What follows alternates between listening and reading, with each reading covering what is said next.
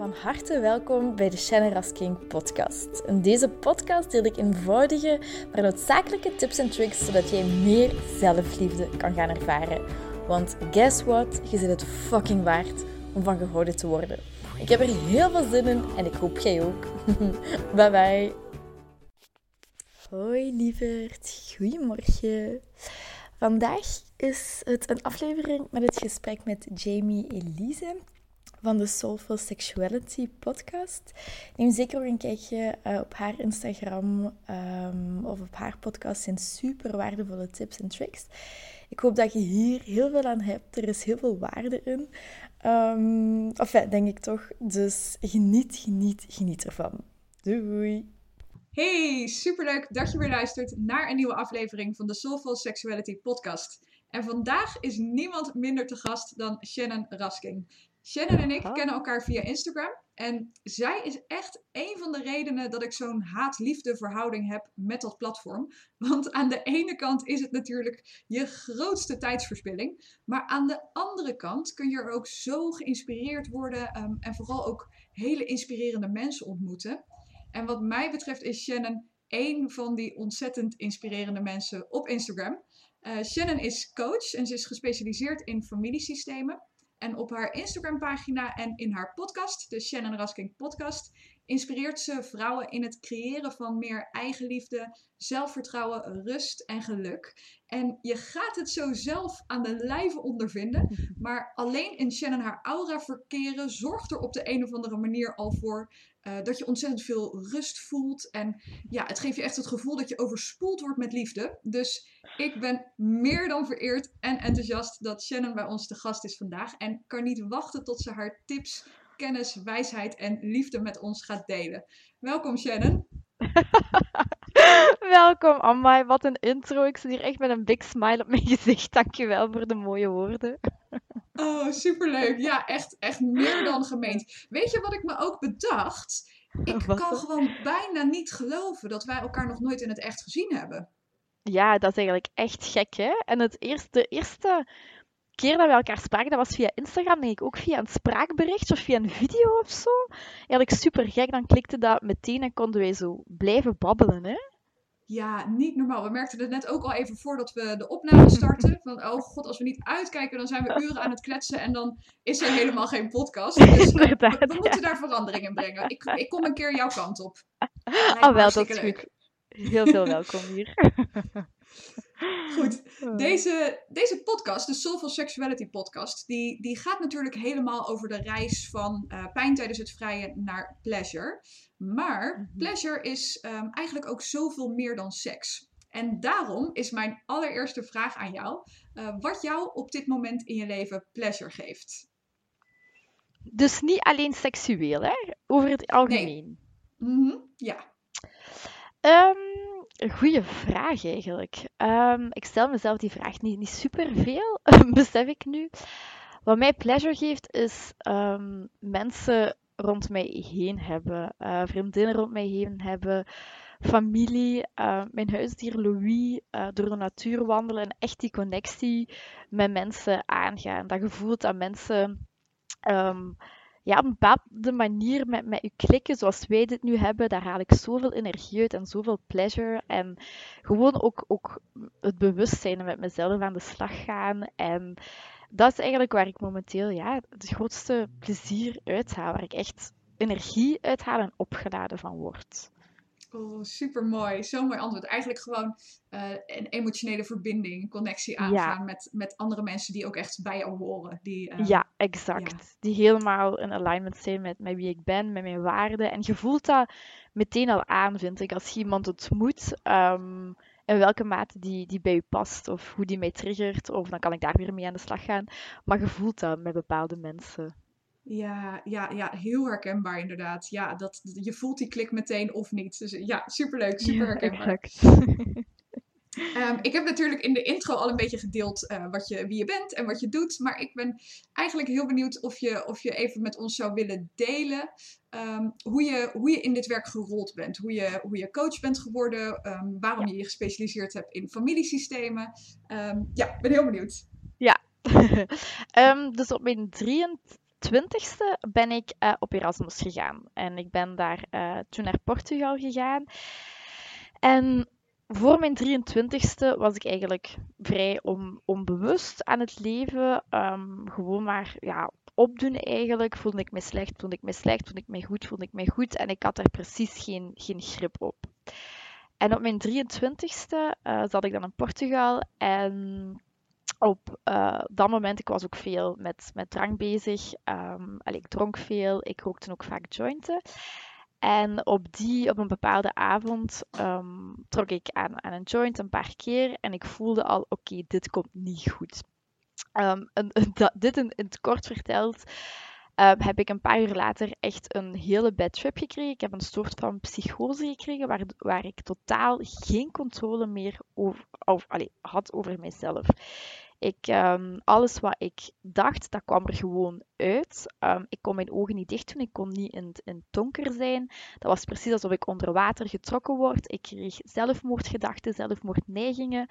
Um, ik ben dan naar een vriendin, die daar, allee, ik woonde met vijf meisjes, ik ben dan naar een Spaanse vriendin gegaan dat ze nog wakker was en ik zeg, kijk, het gaat echt, echt, echt niet goed. Dus dat verstand had ik gelukkig wel op dat moment.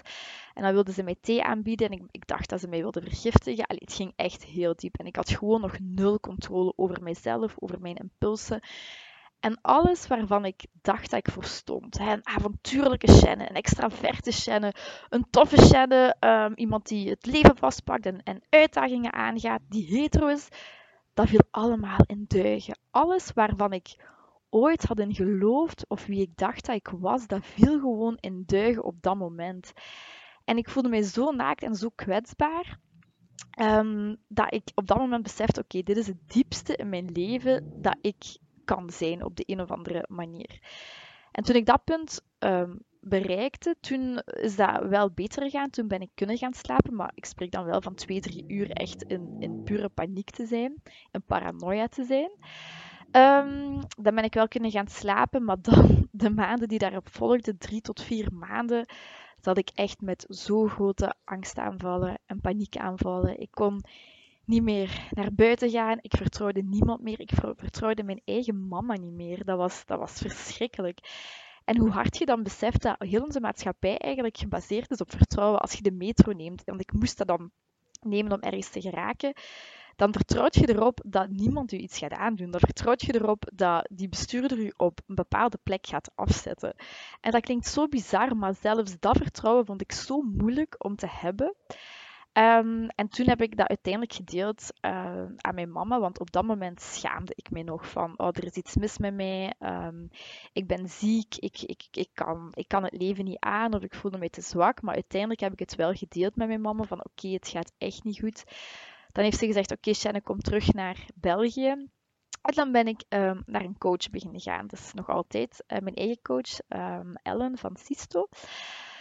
En toen ben ik daar eigenlijk ingerold um, in dat systemisch uh, werk. En dat heeft echt mijn angstaanvallen gewoon stopgezet. Dan ben ik een opleiding beginnen volgen als professional coach. En die opleiding, allee, komt je ook superveel dingen van jezelf tegen. Um, heel veel, heel veel, heel veel losgekomen, heel veel bewogen. Uh, dat is nu ondertussen vijf en een half jaar geleden. Um, en dan ben ik een opleiding na opleiding na opleiding gaan volgen. En zo maak je weer dingen mee in je persoonlijk leven. En die opleidingen, je leert daar zoveel in en uit. En, en je ziet ook hoe je leven er zo hard op vooruit gaat. Geen angstaanvallen meer.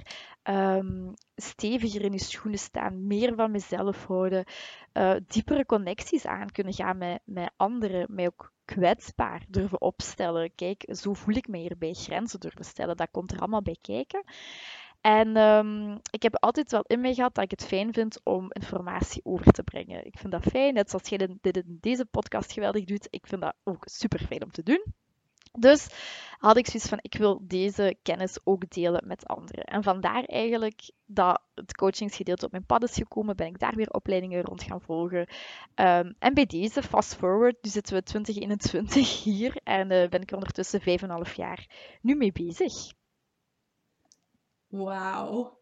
Wauw. Heel verhaal, hè?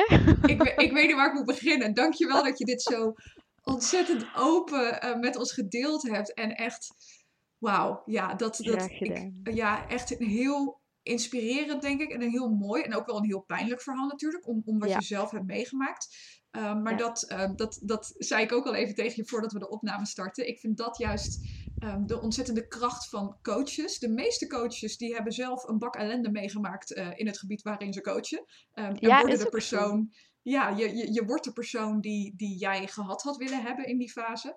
Ehm, Exact. Dus ja, dat is ontzettend mooi. Maar jeetje, wat heftig. Ik heb vroeger, ja, ik was ook niet vies van een blootje en zo. Ehm, en ik heb ook wel eens een, een, een soort van bad trip gehad. Dat ik inderdaad dacht dat Mhm. ik ontvoerd werd door de taxichauffeur en zo. Die was lid van de CIA en, en Wauw, weet ik het wat allemaal. Ja, ja, ja, ja. Je maar- helemaal paranoia, ja. Ja, ja, maar dat, dat was ook wel vrij snel weg, gelukkig.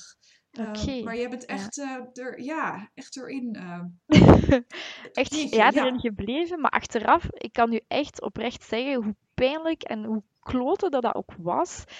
Dat is het beste wat mij kon overkomen. Oké, ik, ik was jong en ergens is het dan voordeel dat je zo jong bent dat je nog maar 23 jaar te verwerken hebt van dit leven. Ik geloof ergens ook wel dat er, dat er meer is, maar oké, dat is iets anders. Ehm, ik geloof echt oprecht dat dat iets is wat mij had moeten overkomen. Want hoe hard ik veranderd ben en hoe echter ik geworden ben. Want als wij opgroeien, wij, wij, het is zo logisch om allemaal muren om ons heen te bouwen, om een bepaald beeld van onszelf te maken en van anderen. Ehm, maar dat is heel vaak niet echt, dat is uit bescherming. En door hiermee mee, mee te leren leven, met, eh, eh, met jezelf bezig te zijn en bewust zijn, dan leert je die, die muurtjes, die stenen wat afbrokkelen. Dan leert je zachter worden en echter worden, zoals jij beschreef. Ja, ja, super mooi.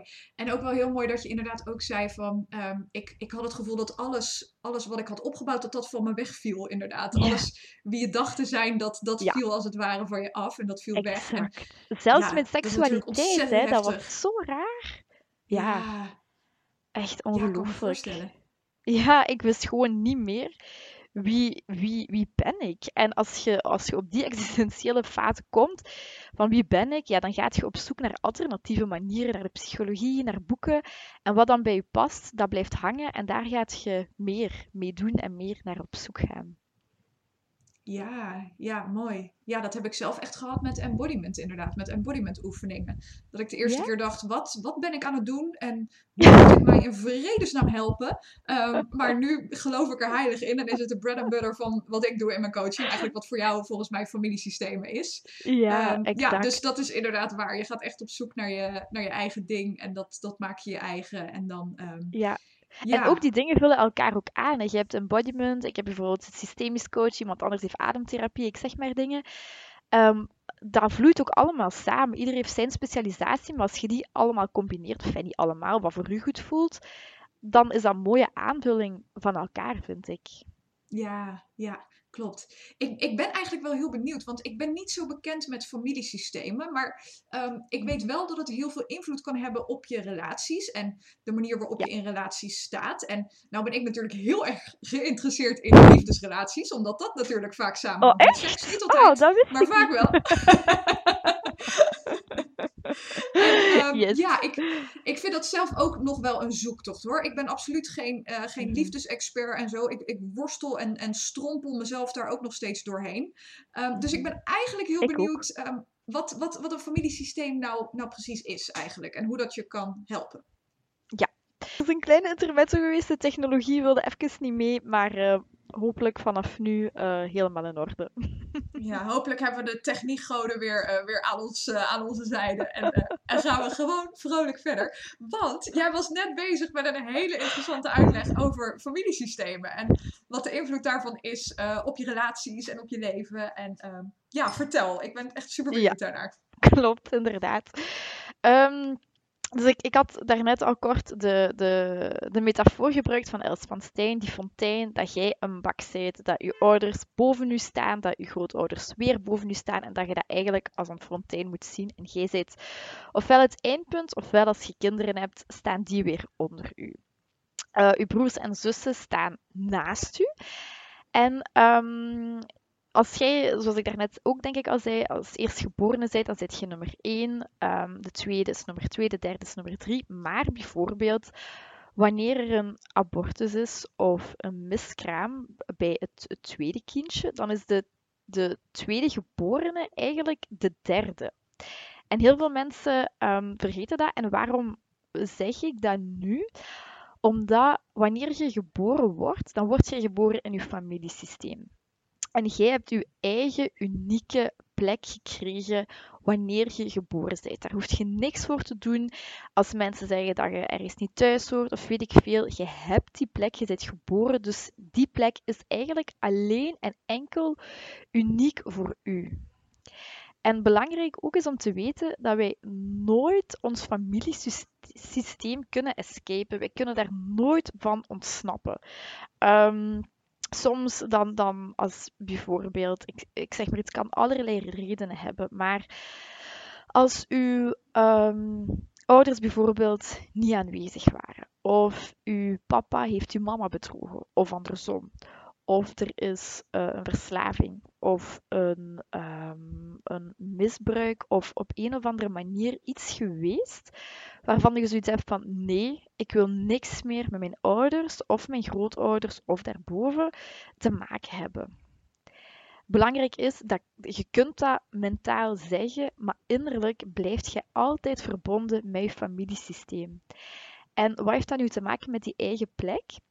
En ook met die zelfliefde en relaties. Eigenlijk is, moet je, enfin, moeten, als, dat voor u, als je dat zelf wilt, ervoor zorgen dat je op je eigen unieke plek gaat staan.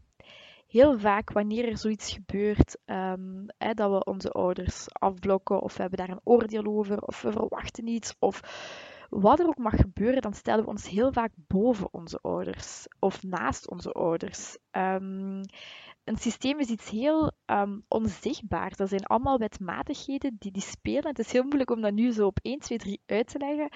Maar eigenlijk het doel met systemisch coachen is telkens om je eigen plek in te nemen. Want als je dat niet doet, als je bijvoorbeeld een plek boven je ouders hebt ingenomen of uh, je hebt je afgestoten van je ouders, wanneer je dan niet op je plek staat, dan voelt je heel veel ofwel onrust ofwel het gevoel van ik moet alles alleen doen. Ik moet alles op mijn eigen houtje doen. Nergens waarvan je, waarvan je energie of stoom kunt, kunt uitputten. Je moet het echt zo op jezelf doen.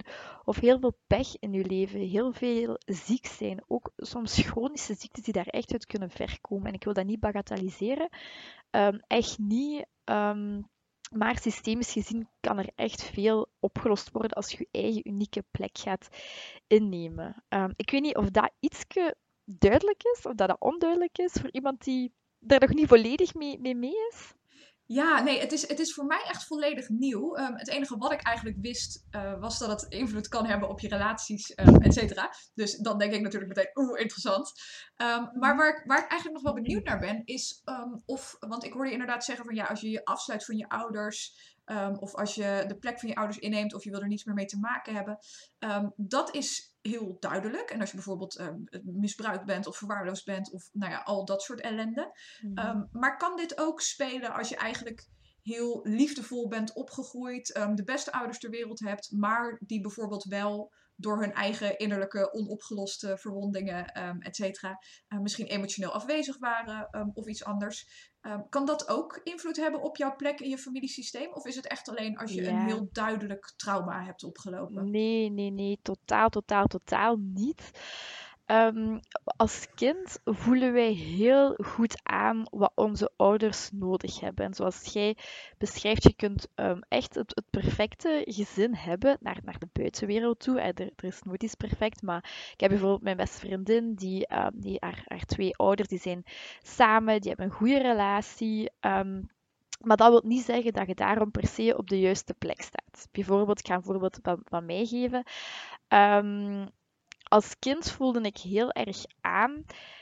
Onbewust gebeurt het allemaal. Dat uh, zowel mijn mama als mijn papa hebben ook veel um, dingen niet ontvangen van, hun ouders. Er was ook bij hen een bepaalde leegte, een bepaalde onrust. Um, zij stonden ook niet volledig op hun plek, waardoor er eigenlijk een leegte wordt gecreëerd op de plek boven hun of naast hun.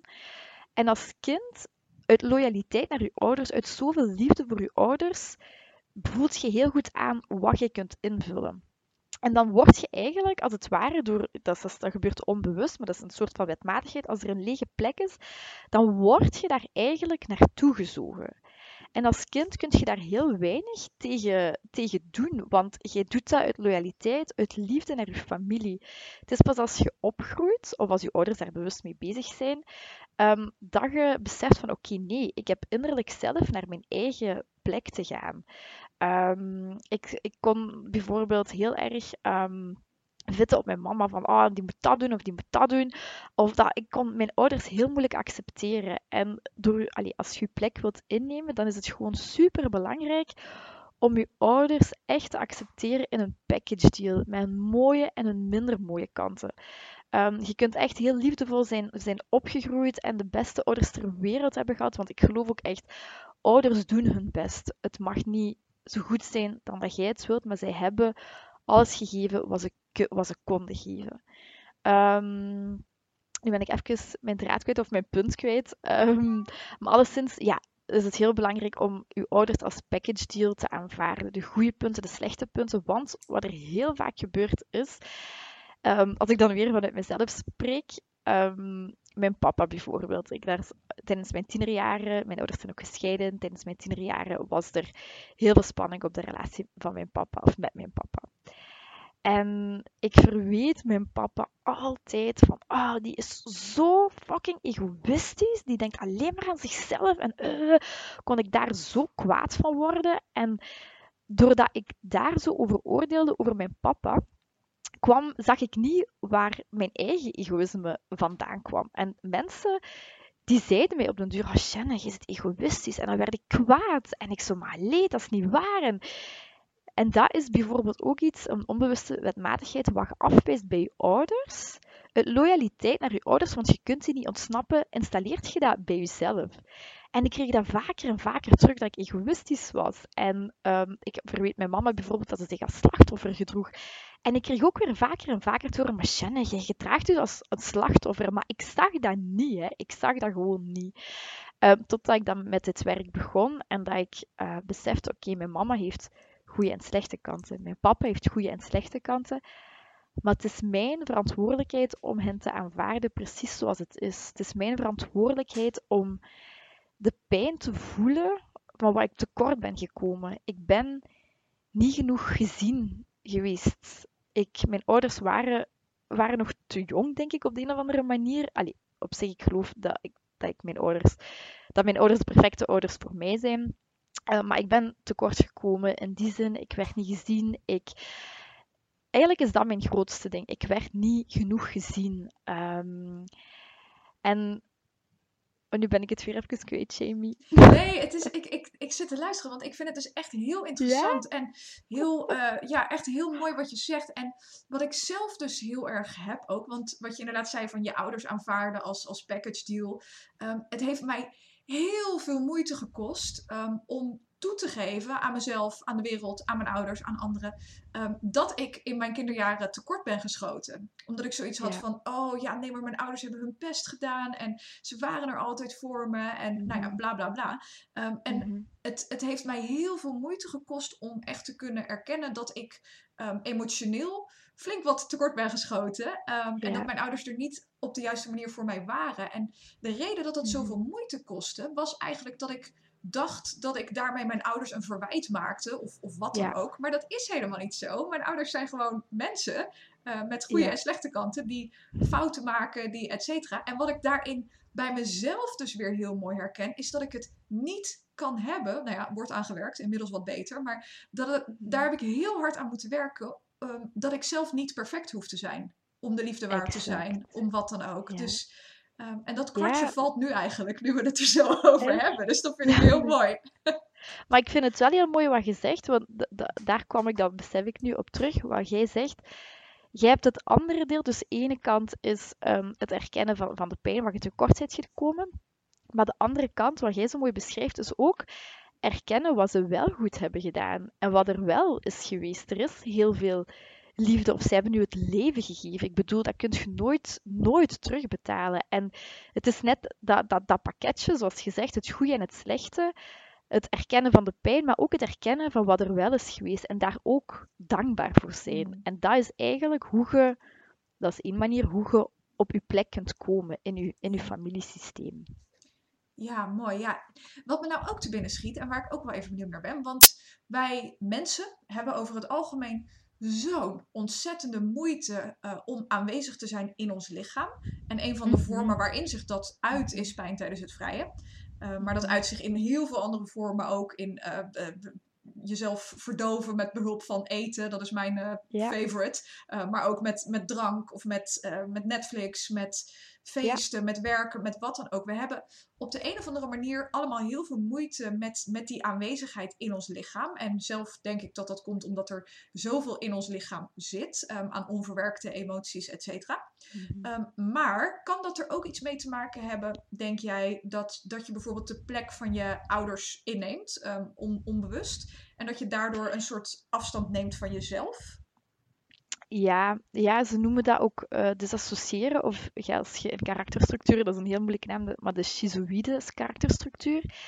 En dat wil eigenlijk zeggen, wanneer je in je lichaam komt, dan voelt je gewoon, oké, er is te veel pijn. Ik durf niet te voelen, het is niet veilig om te voelen. Je hebt eigenlijk geleerd om telkens te disassociëren, weg te trekken uit je lichaam om die pijn maar niet te voelen. En dat is inderdaad het moment dat we gaan eten, gaan we drugs gaan nemen, dat we gaan drinken, dat we wat, wat het ook voor u mag zijn, gaan doen om maar niet te voelen. En dan is het heel comfortabel om um, in ons hoofd te gaan leven. Maar vaak hangt daar ook aan vast. Bijvoorbeeld iemand, um, dat kan zijn dat je geïdentificeerd bent met iemand uit je familiesysteem die ofwel bijvoorbeeld uitgesloten is, maar ook iemand die bijvoorbeeld dood is. Als je een hele sterke band hebt uh, met je oma of je opa die gestorven is, dan is, de, dan is er ook een soort beweging dat jij uh, hebt van ik volg je loyaliteit. Dat je eigenlijk het leven niet meer zelf vastpakt, maar dat je eigenlijk te hard verbonden bent met degene in de dood, omdat die band zo sterk is. Ik weet niet of it makes sense um, om, om dit zo te horen, maar dat is ook een bepaalde wetmatigheid in de familiesystemen. Mm, ja, ja, makes sense. En ik schrik er ook meteen een beetje van. Ik denk, oh god, mijn oma die is, mijn oma die is en, en was echt, echt mijn alles. En die is drie jaar geleden Mhm. overleden. En dan denk ik, oh god, ben ik nou weer van mezelf aan het weglopen omdat ik achter mijn oma aanga? Nee, Nee, ik heb je daarnet op camera gezien. eh, je, je ziet eruit vol leven, gestraald. Ehm, ik merk ook dat je echt hier bent. Ehm, ik, ik voel soms zo'n dingen aan, maar dat voel ik echt heel erg bij u. Want dat kun je eigenlijk herkennen als je merkt dat je, dat je wegtrekt. Dat je niet kunt ademhalen tot in je buik. Dat je ademhaling echt heel hoog blijft. En ehm, dat je het gevoel hebt dat je niet genoeg adem kunt nemen. Zo, zo heel de tijd dat gevoel. Mm, ja, En oh, ik denk niet dat... je- Allee, ik weet het niet. Heb je dat? Nee, voor, nee, wel gehad hoor. En echt, ehm, ja, Ja. en natuurlijk in de periode van eetstoornis, paniekaanvallen, ehm, ellende, eh, heb ik dat natuurlijk wel gehad. Maar ehm, nu gelukkig niet meer. Dus eh, nee, daar maak ik me dan ook maar niet meer druk om. Nee. Eh, maar wel, interessant hoe, hoe dat dus meewerkt met het, het disassociëren van jezelf. En wat ik altijd zeg is, is je, je wordt nergens zo met jezelf geconfronteerd als in de slaapkamer, als het moment waarop je seks hebt. Ehm, Ja. En het is, ik vind het ook zo'n mooie spiegel, want je, seks, je, je kan seks niet hebben vanuit je hoofd. Je, je seksualiteit Mhm. zit niet in je hoofd, het zit in je Mhm. lichaam. En ehm, niet altijd, Ja. maar heel vaak is, is vaginisme, pijn tijdens het vrije, zo'n ongelooflijk, eh, ongelooflijke aanwijzing eigenlijk van jouw lichaam. Van hallo, Ja. wij zijn er ook nog, kom eens hier, kom eens hier landen. Ehm, en kan het dus ook een hele mooie motor zijn onder jouw herstel eigenlijk. Jouw herstel in, de, in de verbinding met je lichaam. Ehm, ik vind het trouwens echt heerlijk dat we het over onze ouders en oma's en seks hebben in, in twee zinnen. ja, inderdaad. Doorbreek de taboes. Love it. Ehm, Ah, heerlijk. waar, ik, waar ik ook heel erg benieuwd naar ben, natuurlijk, is ehm, wat. ehm, eigenlijk twee dingen. Ehm, eerst, wat. Heb je iets, eh, een tip of, of iets? Het is natuurlijk eh, een, een coachtraject, eh, wat, wat het allerbeste werkt altijd. Maar heb je een tip van een eerste stap die je al kan zetten ehm, als je denkt van oei, volgens mij sta ik niet helemaal lekker op mijn plek in dat familiesysteem. Mhm. ja, hoe kan je daar alvast verandering in beginnen te brengen?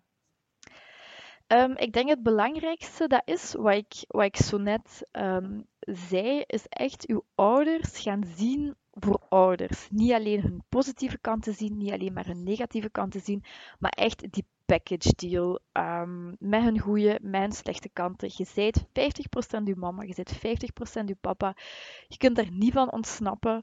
Ehm, en hen innerlijk leren accepteren. Je hoeft zelfs niks te zeggen daarvoor, maar innerlijk gaan accepteren: oké, dit zijn ook mensen, ehm, mijn gebreken, mijn goede dingen. Dus dat echt aannemen voor wie ze zijn. En als je merkt, ik oordeel over mijn mama of mijn papa, of ik bemoei mij met, met hun zaken die eigenlijk niet, niet, niet bij mij horen, die niet bij mijn verantwoordelijkheden horen, dan is dat al een hele grote aanwijzing dat je niet op je plek staat. Telkens wanneer je oordeelt over je ouders, staat je niet op je plek. Of wanneer je iets verwacht van je ouders. Ik verwacht dat mijn mama mij op dat moment komt halen. Dat echt, dat claimende, dan staat je niet op je juiste plek. En een eerste oefening is net die zachtheid naar je ouders die in een package deal aanvaarden. En een oefening daarvoor die ik eigenlijk dagelijks doe, elke ochtend, omdat ik heb heel erg de neiging om boven mijn ouders te gaan staan. Omdat ik um, soms mijn,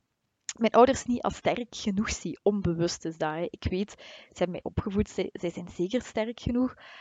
Maar onbewust zit zo nog die neiging daar, daarin om boven hen te gaan staan.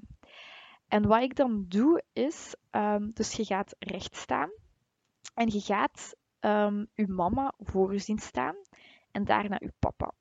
Eerst uh, ziet je je mama, je visualiseert je mama voor je, of je zet een foto um, wat, voor, wat voor je goed voelt. En dan zeg je, oké, mama, jij bent mijn mama. Ik eer u echt als mijn mama en ik neem het leven en ik neem u volledig zoals het is. Jij bent de juiste mama voor mij. En dan gaat je een buiging maken naar je mama toe. En dat kan echt heel moeilijk zijn als uw neiging is om je telkens groter te maken.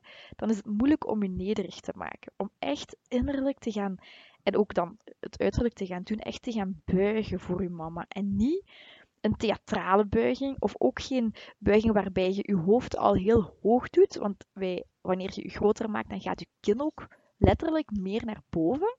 Uh, maar echt je kin wat naar omlaag ingetogen en dan een lichte of een diepe buiging maken voor je mama. En dan herhaalt je dat eigenlijk met je papa. En dat is een manier om hen ook meer te aanvaarden en nederig te zijn en kind terug te worden van je ouders. Wow. Is dat duidelijk? Ja, ik, um, want ik herken heel erg wat je zegt van alles verwachten van je ouders. En ik dacht echt, oh god, dit klinkt echt, het gaat over mij. Ik sta ook niet lekker op mijn eigen plek volgens mij. Um, maar toen je dus um, dat, die oefening alleen al uitlegde, voelde ik een soort rust over me heen komen. En dan ben ik hem nog niet eens Ja. aan het doen. Dus dat is echt, ja. uh, ja, Het is echt een krachtige mooi. oefening, ja. Ja, super mooi.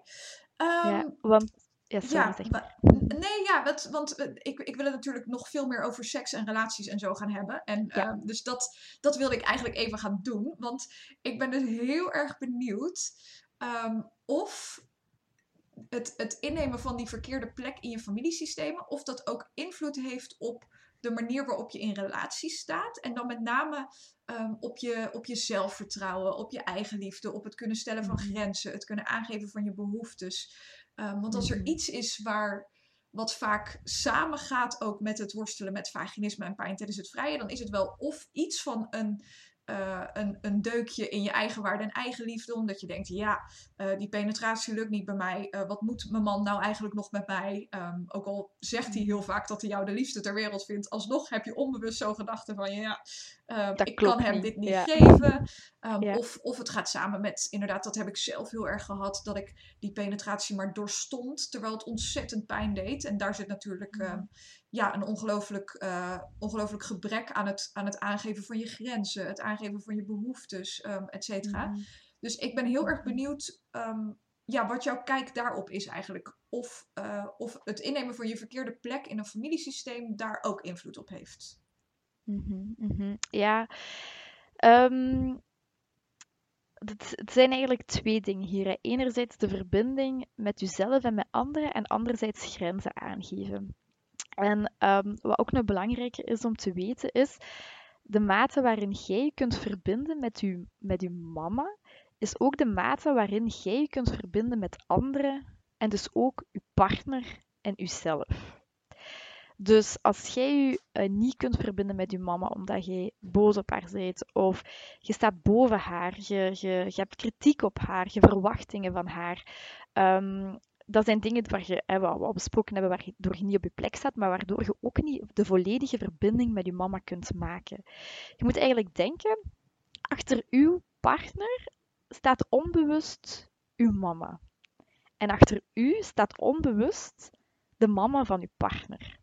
Dus het is echt hoe, hoe meer je verbinding, hoe meer je kunt ontvangen van, uw, van uw moeder, hoe meer je kunt ontvangen van het leven, van jezelf en ook van je partner. En voor mij is penetratie ook ontvangen en openstaan. Ik weet niet hoe jij daar, daarover denkt.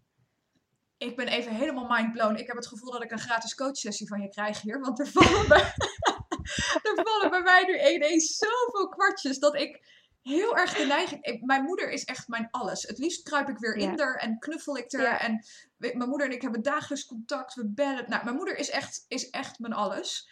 Um, Maar waar ik dus, ik ben echt ook een ontzettende recovering codependent, zeg maar, met verlatingsangst. En mhm. ik heb dus heel erg de neiging om mij aan uh, mijn partner vast te klampen, ook mhm. op die manier. En nu mhm. denk ik ineens, wow, Wow, nooit op die manier bekeken. Maar, uh, dus dankjewel daarvoor, voor weer dat, uh, dat kwartje.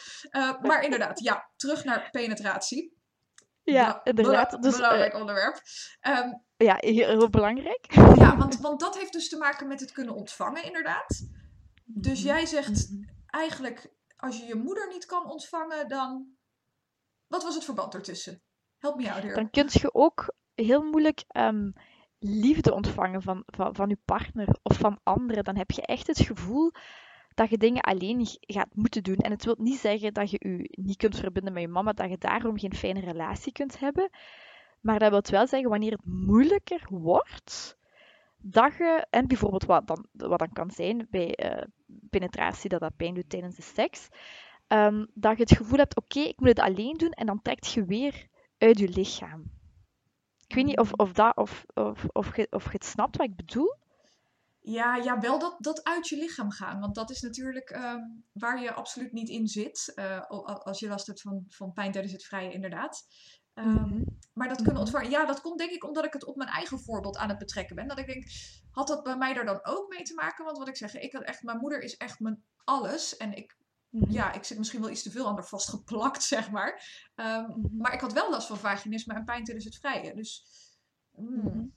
Het, is ook, dat, dat, is, dat is nog iets anders. Dus eigenlijk, want ik, ik had dat ook altijd. Hè. Bij mijn mama, wij zijn twee handen op één buik. Um, maar ik heb door wanneer mama's te hard, ik zeg niet dat dat bij u zo was, hè, maar dat is wel iets uh, wat bij mij zo was. Wanneer moeders te hard gefocust zijn op hun, op hun bij in ons geval hun dochter, dan komt er heel veel spanning op de relatie van uh, of met de papa. Dus wat je dan eigenlijk hebt te doen is. Um, in een coaching is dat, is dat zoveel makkelijker omdat we dan met beelden werken. Dan heb je eigenlijk even eerst afstand te nemen van je mama. En u niet, uh, ik bedoel dat niet innerlijk de verbinding te verbreken, maar even een gezonde afstand creëren. Dat, je de, dat die spanning op de relatie met je papa eigenlijk kan verminderen. En dat je daarna terug naar je mama kunt komen. Maar dat je daar dan kunt staan als, als individuele vrouw, als, als kind. En niet als versmelting met uw mama. Ik zeg niet dat dat bij u zo is, hè. Het is dat was wel bij mij zo.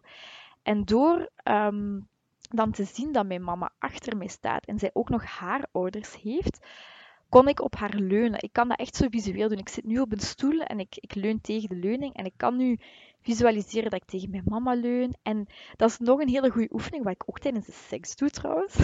ik hoop dat geen enkele... Nee, dat is niet waar. Ik zeggen, ik hoop dat geen enkele man luistert, want dat moet super gek zijn.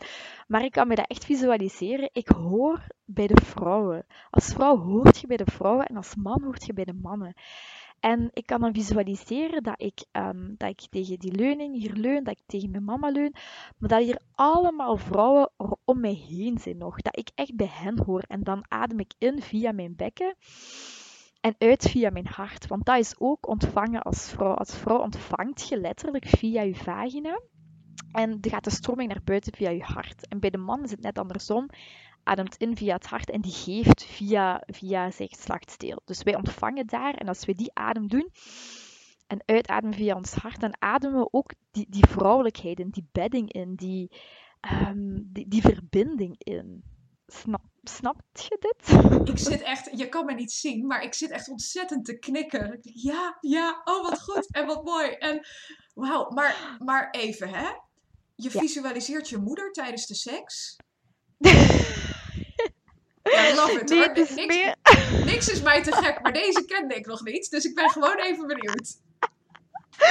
Het is gewoon meer de. Ik visualiseer mij dat niet tijdens de seks met mama, maar wel de vrouwelijkheid. Ik, ik kan dan, hmm. ja, eigenlijk wel, ik visualiseer dan alsof er allemaal vrouwen rond, rond mij staan en dat ik daar verbinding mee maak, dat ik gewoon echt bij de vrouwen hoor. En als ik dat doe, dan kan ik mij overgeven aan de man en aan het moment. En anders zit ik te hard in mijn hoofd. En soms, als je supergeel bent, dan, dan gaat dat vanzelf. Hè. Maar soms zit, je nog, of zit ik nog in mijn hoofd en dan moet ik echt landen in mijn lichaam. En door die visualisatie te doen van, ik hoor bij de vrouwen. En het gaat niet om de man hier, het gaat hier om mij. Dat echt ownen van ehm, die, die verbinding en die vrouwelijkheid, dat, dat, dat helpt mij enorm om open te staan en om in mijn lichaam te komen. Oh, super mooi. Want wat er nu bij mij ook weer boven komt, is dat ik denk waar ik het ook heel vaak over heb met, met vrouwen die, die mijn coachtraject volgen. Of met, ik heb er laatst ook nog een podcast over opgenomen met uh, Shina van Empowerment. Um, Dat mhm. we het inderdaad hadden over mannelijke en vrouwelijke energie. En hoe we eigenlijk te veel in die mannelijke of masculine energie zitten. Wanneer we in ons hoofd zitten en niet, niet mhm. verbonden zijn met ons lichaam. Ehm, en dat we vanuit die plek ons ook niet kunnen overgeven aan onszelf um, en onze partner. Ja. want die overgave is die vrouwelijke energie. Maar dat we dus ook ja, daardoor niet van seks kunnen genieten. En ik vind het zo mooi dat jij nu inderdaad dat lijntje legt met het visualiseren van de, de vrouwen. Ehm, en en ik, ik, hoor bij de vrouwen inderdaad. En ik mag nu in die overgave. En ik mag ontvangen via mijn vagina en geven via mijn hart. En dat is ook weer die vrouwelijke energie. Dat liefde geven op die manier. Uh, liefde zijn, liefde. En ja, oh, ik vind het zo mooi. Want ik had zo op die manier die connectie nog helemaal niet gelegd. Dus um, dankjewel voor die tip en uitleg. Ik ga hem zeker toepassen. Ik ben heel benieuwd wat. Uh, ja, laat, het, laat het mij zeker weten. Ik ben benieuwd. Maar ik denk als je in je vrouwelijke energie zit, dan, dan, dan is je verlangen toch echt om om, misschien raar, maar om gepenetreerd te worden door de man. Zij het emotioneel, zij het seksueel, zij het... Ik denk dat dat ons diepste verlangen is wanneer we in ons vrouwelijke in onze vrouwelijke energie zitten. Ja, ja, ja. En dat, we hebben het nu natuurlijk over mannelijke en vrouwelijke energie. En die twee die mhm. zijn natuurlijk, ik zeg het, ik geef altijd de disclaimer erbij, die zijn compleet geslachtsonafhankelijk. Maar mm zeker. ja, het is inderdaad als jij je prettig voelt in je vrouwelijke energie tijdens de seks, dan betekent dat vaak dat je het uh, dat je het liefst gepenetreerd wil worden en genomen wil worden. En dat de man de leiding neemt en jij in de overgave. Uh, maar wat ik altijd zeg, ja, dan moet je dat wel kunnen. En dat is iets mhm. waar je dus heel vaak mee worstelt als je last hebt van vaginisme of pijn tijdens het vrijen.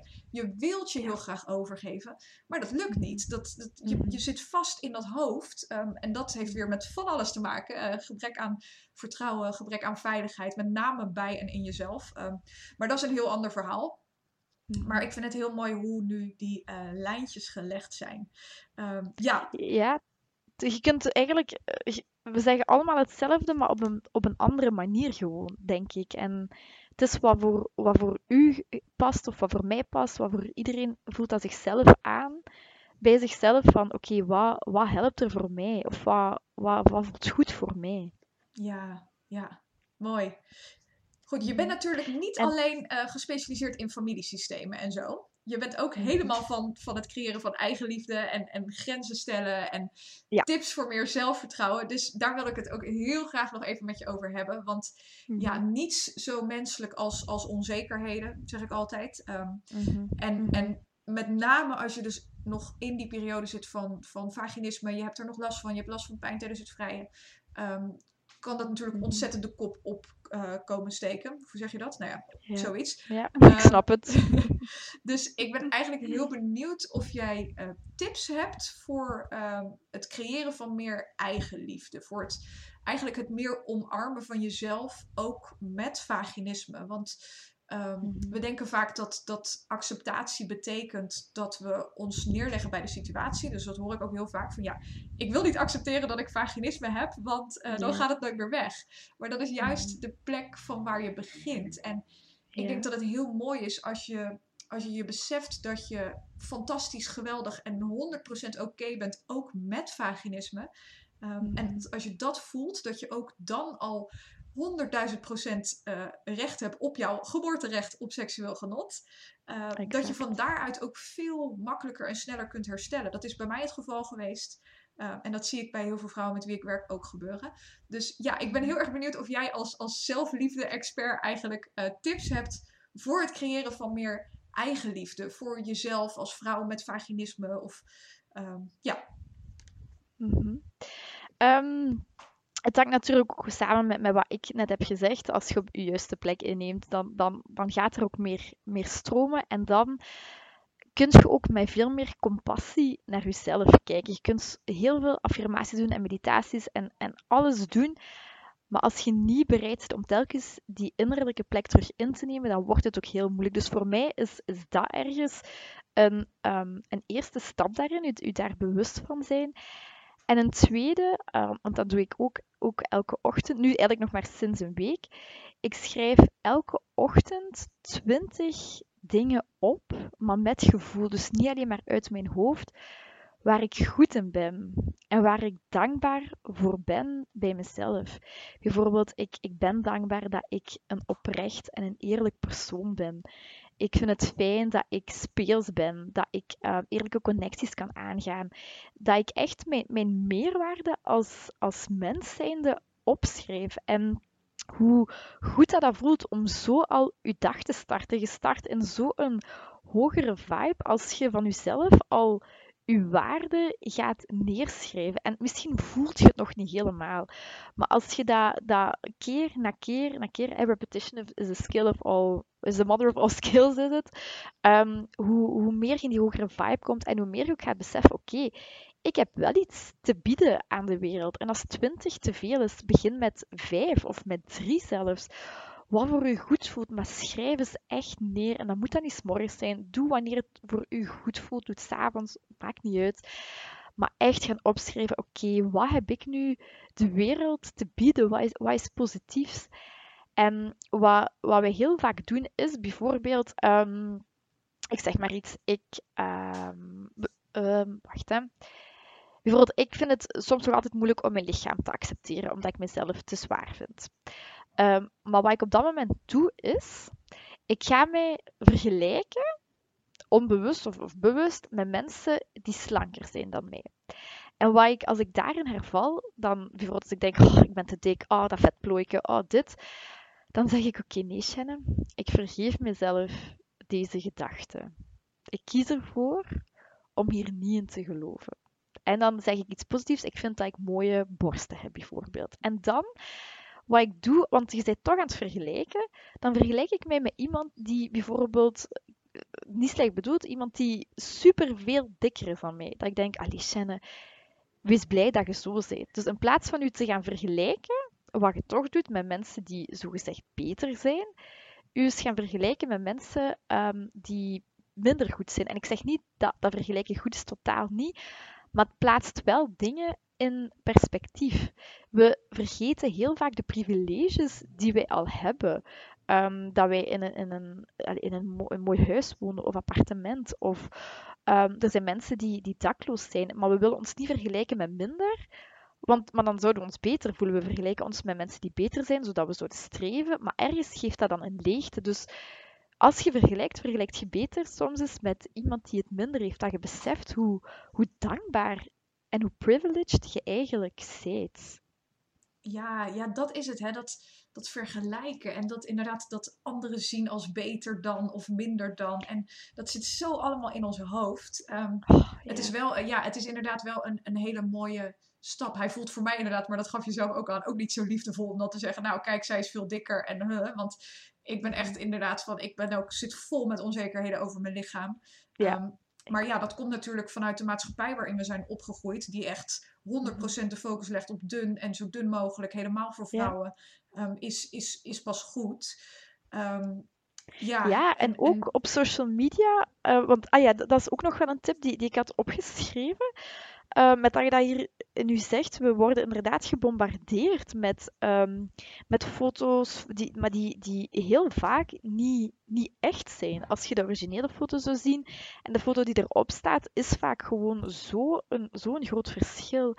En wat ik gedaan heb op mijn, op mijn eigen social media, ik ben al die accounts die, die mij onzekerder maken, of, of waarvan ik, waar ik mij mee ging vergelijken, ik ben die gaan ontvolgen. En ik ben mensen gaan volgen, influencers gaan volgen met een buikje en die daar ook voor uitkomen, die foto's posten van hun cellulitis, van hun stretch marks, van, ehm, van gef- gefotoshopte foto's, van geposeerde foto's tegenover eh, niet geposeerde en geen gefotoshopte foto's. En doordat je dagelijks, ik zie dagelijks die foto's verschijnen, cellulitis, stretch marks, eh, bubbly, bubbly benen, eh, wat ik zelf ook heb, ehm, van die dingen. Maar door die dingen dagelijks te zien, wordt dat je eigen nieuwe normaal. En wanneer je dan cellulitis bij jezelf ziet, of, of wat bubbly benen, dan denk ik, oh ja, het is normaal, het is, het is oké. Anderen hebben dat ook. Mm, ja, ja. Dit, dit heeft mij ook zo geholpen inderdaad in mijn eetstoornisherstel. Inderdaad vrouwen gaan volgen die, ja, die inderdaad gewoon foto's posten van een buikje, van cellulitis, et cetera. Ehm, en Ja. ik vind het ook zo mooi dat je inderdaad zegt, dat wordt je nieuwe normaal. Want dat is ook zo'n belangrijke stap eh, bij het overwinnen van vaginisme of pijn tijdens het vrijen. Dat, dat er vaak geen verbinding is met je vagina vulva. En als ik dan inderdaad als tip geef van inderdaad, kijk er eens naar met een spiegel. Dan word ik vaak aangekeken van Jamie, je mag me alle tips geven, maar niet deze, alsjeblieft. Moet ik er echt naar gaan kijken? Eh, want we vinden het vaak gewoon een lelijk ding. En het is bij mij Ja. zelf ook echt een reis geweest ehm, om mijn vagina vulva als mooi te gaan zien. Maar dat komt puur en alleen door het feit dat ik er niet bekend mee was. Het, het is een lichaamsdeel die gewoon een beetje verstopt zit. Je kan het niet goed zien. eh, helemaal niet Mhm. zonder spiegel. Of als je de boel niet een beetje aan de kant duwt, zeg maar. Ehm, je ziet gewoon niks. Ehm, en dan helemaal als het er anders uitziet dan in de pornobeelden, waar we natuurlijk mee Mhm. doodgegooid zijn, dan kan je heel snel zoiets hebben van ja, bij mij is het lelijk en is het raar. En creëer je dus een soort disconnectie, niet alleen van je lichaam, maar binnen je lichaam ook nog van je vagina vulva. Eh, ja, Mhm. niet zo gek dat je er dan ook niet van kan genieten als een ander eraan zit of Mhm. erbij in de buurt komt. Ehm, dus Exact, ja, ja. heel mooi dat je, ja, dat je inderdaad dat aangaf van dat het nieuwe normaal, dat dat je nieuwe normaal wordt. Ik heb zo'n vervelende associatie met nieuw normaal door de tijd waarin we leven op dit moment. Maar godzij, oh, ja, dan, wordt dat, wordt, eh, dan ga je dat vanzelf mooi vinden, inderdaad. Ja, Ehm, klopt. ik kan echt uren met je praten, ehm, maar dan vrees ik dat we iedereen kwijtraken. Dus ik, ehm, denk het ook. ja, Maar ik wilde wel nog iets delen, want eh, daar hebben we, het gaat het wel over een stukje daar, daarvoor van grenzen aangeven. Want dat is Mm. ook nog wel eh een belangrijke. dat is precies Eh, de laatste vraag die ik wilde stellen. Is dat echt? Ja. Ah, oké, sorry, dan ga ik je de vraag laten stellen. Nee, nee, nee, nee, nee. jawel, Kom jawel, maar doe door, maar. kom maar door. Waarom is het zo moeilijk om grenzen te stellen? Wat zijn je tips om meer grenzen te stellen? Ah, wel heel vaak wanneer we, wanneer we grenzen stellen, ik denk dat je dat ook heel goed herkent, ik ook, als je bijvoorbeeld geen zin in seks hebt, ehm, of eh, het doet pijn, of wat het ook mag zijn, en we zeggen nee, dan gaan we ons vaak heel schuldig voelen. Ehm, en waarom, waarom is het vaak zo moeilijk om grenzen te stellen? Enfin, dat, dat zie ik bij, bij de mensen die coach, die ik ook bij mezelf heb, is opnieuw, sorry, ik zeg het zoveel, maar als je dan heeft het met je papa te maken. Als je je papa niet boven u kunt zetten, dan kun je geen grenzen aangeven. Uw papa zorgt voor daadkracht. Uw mama zorgt voor verbinding, dat je in het leven staat. Uw papa zorgt voor daadkracht, dat je in het leven kunt overleven en echt kunt gaan leven. Dus hoe beter je je papa boven u kunt zetten en minder oordeelt over hem en hem echt kunt aanvaarden als in die package deal dat je echt dochter van kunt zijn, of zoon van als je, als je een man bent, ehm, hoe beter je ook die grenzen kunt gaan aangeven. Want wat er gebeurt, we, gaan, ehm, we, stellen, geven een grens aan, we zeggen nee. En dan hebben we schrik dat, wij, uh, dat die andere persoon ons niet meer graag gaat zien. Of dat die andere persoon zich, um, zich afgewezen gaat voelen. En dan gaan we zorgen voor. En dan staan we eigenlijk ook weer boven onze partner. Als wij gaan zorgen voor. Um, als wij denken, oh, maar ik wil niet dat hij zich zo voelt. Of ik wil niet dat hij dit denkt of dat denkt dan zijn we bezig met de andere, dan zitten we in een soort verstrikking, dan zitten we niet opnieuw niet in ons lichaam. En dat gebeurt allemaal onbewust en dat, dat heeft tijd nodig. En met uw oefening van embodiment en al die tips, die helpen daar heel, heel super goed bij. Dat heeft gewoon ook tijd nodig. Maar dat is wel belangrijk om mee te nemen, dat je je papa boven u kunt stellen om beter grenzen aan te geven. Wauw, er vallen weer zoveel kwartjes dat ik denk, ja hoor. Ja, oh. Wij, we, we, we, gaan er geen privécoach sessie van maken. We, we, moeten het hier nog een keer over hebben. Want ik, wat, is goed. wat ik zei, het familiesysteem was echt nieuw voor mij. Maar het regent kwartjes bij mij nu. Dus um, ja, echt fantastisch. Um, ik hoop dat dat uh, voor jullie als luisteraar ook geldt. Dat jullie genoten hebben van, uh, van dit, dit gesprek tussen ons. Want dat was het eigenlijk. Het was absoluut geen interview. Het was gewoon net twee vriendinnen die aan het kletsen zijn. Dus ik, ik hoop dat het voor jou als luisteraar ook waardevol was. En dat het bij jou ook ja, ik hoop het ook. Heeft geregend. Um, voordat we afsluiten, doe ik altijd een vijf vragen vluggertje. En dat betekent dat ik vijf vragen op je af ga vuren die je zo snel mogelijk mag beantwoorden. Oeh, spannend. Oké. Okay. Ben je klaar voor? Oké. Goed, komt de eerste vraag. Wat lees je op dit moment? Um, Joe Dispenza. Oeh, welke? Um, hoe heet hem? Um, van jezelf, van jezelf losgeraken of zoiets. Het gaat over kwantumfysica. Ja, ja, ik vind hem heel interessant, maar ook af en toe wel moeilijk te begrijpen of zo. Het duurt ja, even. ik moet heel vaak dingen vijf keer opnieuw lezen. Ja, ja dat had ik ook bij hem. maar interessant. Ja, Tweede vraag. Wat, wat is je favoriete woord? Mijn favoriete woord? Um, verbinding. Mm, mooi. Waar kijk je naar uit? Oh, ik ga morgen uit het vliegtuig springen. Wat? Ja, ik ga morgen oh. een parachutesprong doen. Heftig. Oké, cool. Wat is uh, het beste advies dat je ooit hebt gehad? Ken uzelf. Mm, ja, de kern van alles eigenlijk. Ja, ja mooi. Echt. Als je nooit meer zou hoeven slapen, wat zou je dan doen met de extra tijd? Um, ik zou echt. Ik ben niet goed in organiseren, maar ik zou een soort. heel veel feestjes geven, maar van, met, met vrouwen, met mannen die allemaal goed overeenkomen om heel veel mensen bij elkaar te hebben. Continu die verbinding, die connectie met, met, met mensen in tot stand brengen. Dat zou, ik, dat zou ik geweldig vinden. Oeh, ik ben erbij hoor. Klinkt fantastisch. Ja, oké. Okay. Je bent uitgenodigd. Je bent welkom. yes. ik kan me zo voorstellen dat iedereen die nu geluisterd heeft, nog lang geen genoeg heeft van, van jou, Shannon. En van tips, inspiratie en alles wat je deelt. Waarvoor nogmaals ontzettend dank. Je bent zo open geweest in deze podcast. En uh, daar wil ik je echt nog even, even voor bedanken. Um, waar kunnen mensen jou vinden als ze meer van jou willen zien, weten, horen? Ja, uh, ze kunnen uh, via Soundcloud, iTunes of Spotify kunnen ze de Shannon Rasking podcast um, beluisteren. De Shannon Rasking podcast in, intikken. Of op Instagram Shannon Rasking. En daar um, deel ik ook mee mijn podcast, maar deel ik ook meer posts. Deel ik soms iets op mijn verhaal. Dus daar, uh, daar kunnen ze mee vinden en kunnen ze mij ook contacteren voor een coachinggesprek. Super. Ik ga al die links uh, ook delen in de show notes, zodat, uh, zodat iedereen dat makkelijk kan vinden. Um, en dan wil ik je nogmaals heel erg bedanken voor, voor het delen van al je, voor, voor je eigen verhaal en al je tips en wijsheid met ons. Dankjewel. En ik wil u ook super, super, super hard bedanken. Echt waar, vanuit de grond van mijn hart. Meer, meer, meer dan graag gedaan.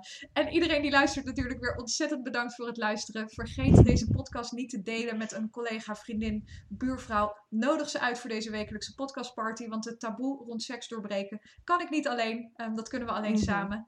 En um, ja, dan was dit de aflevering van deze week. Een hele fijne ochtend, middag of avond. En heel graag tot volgende week.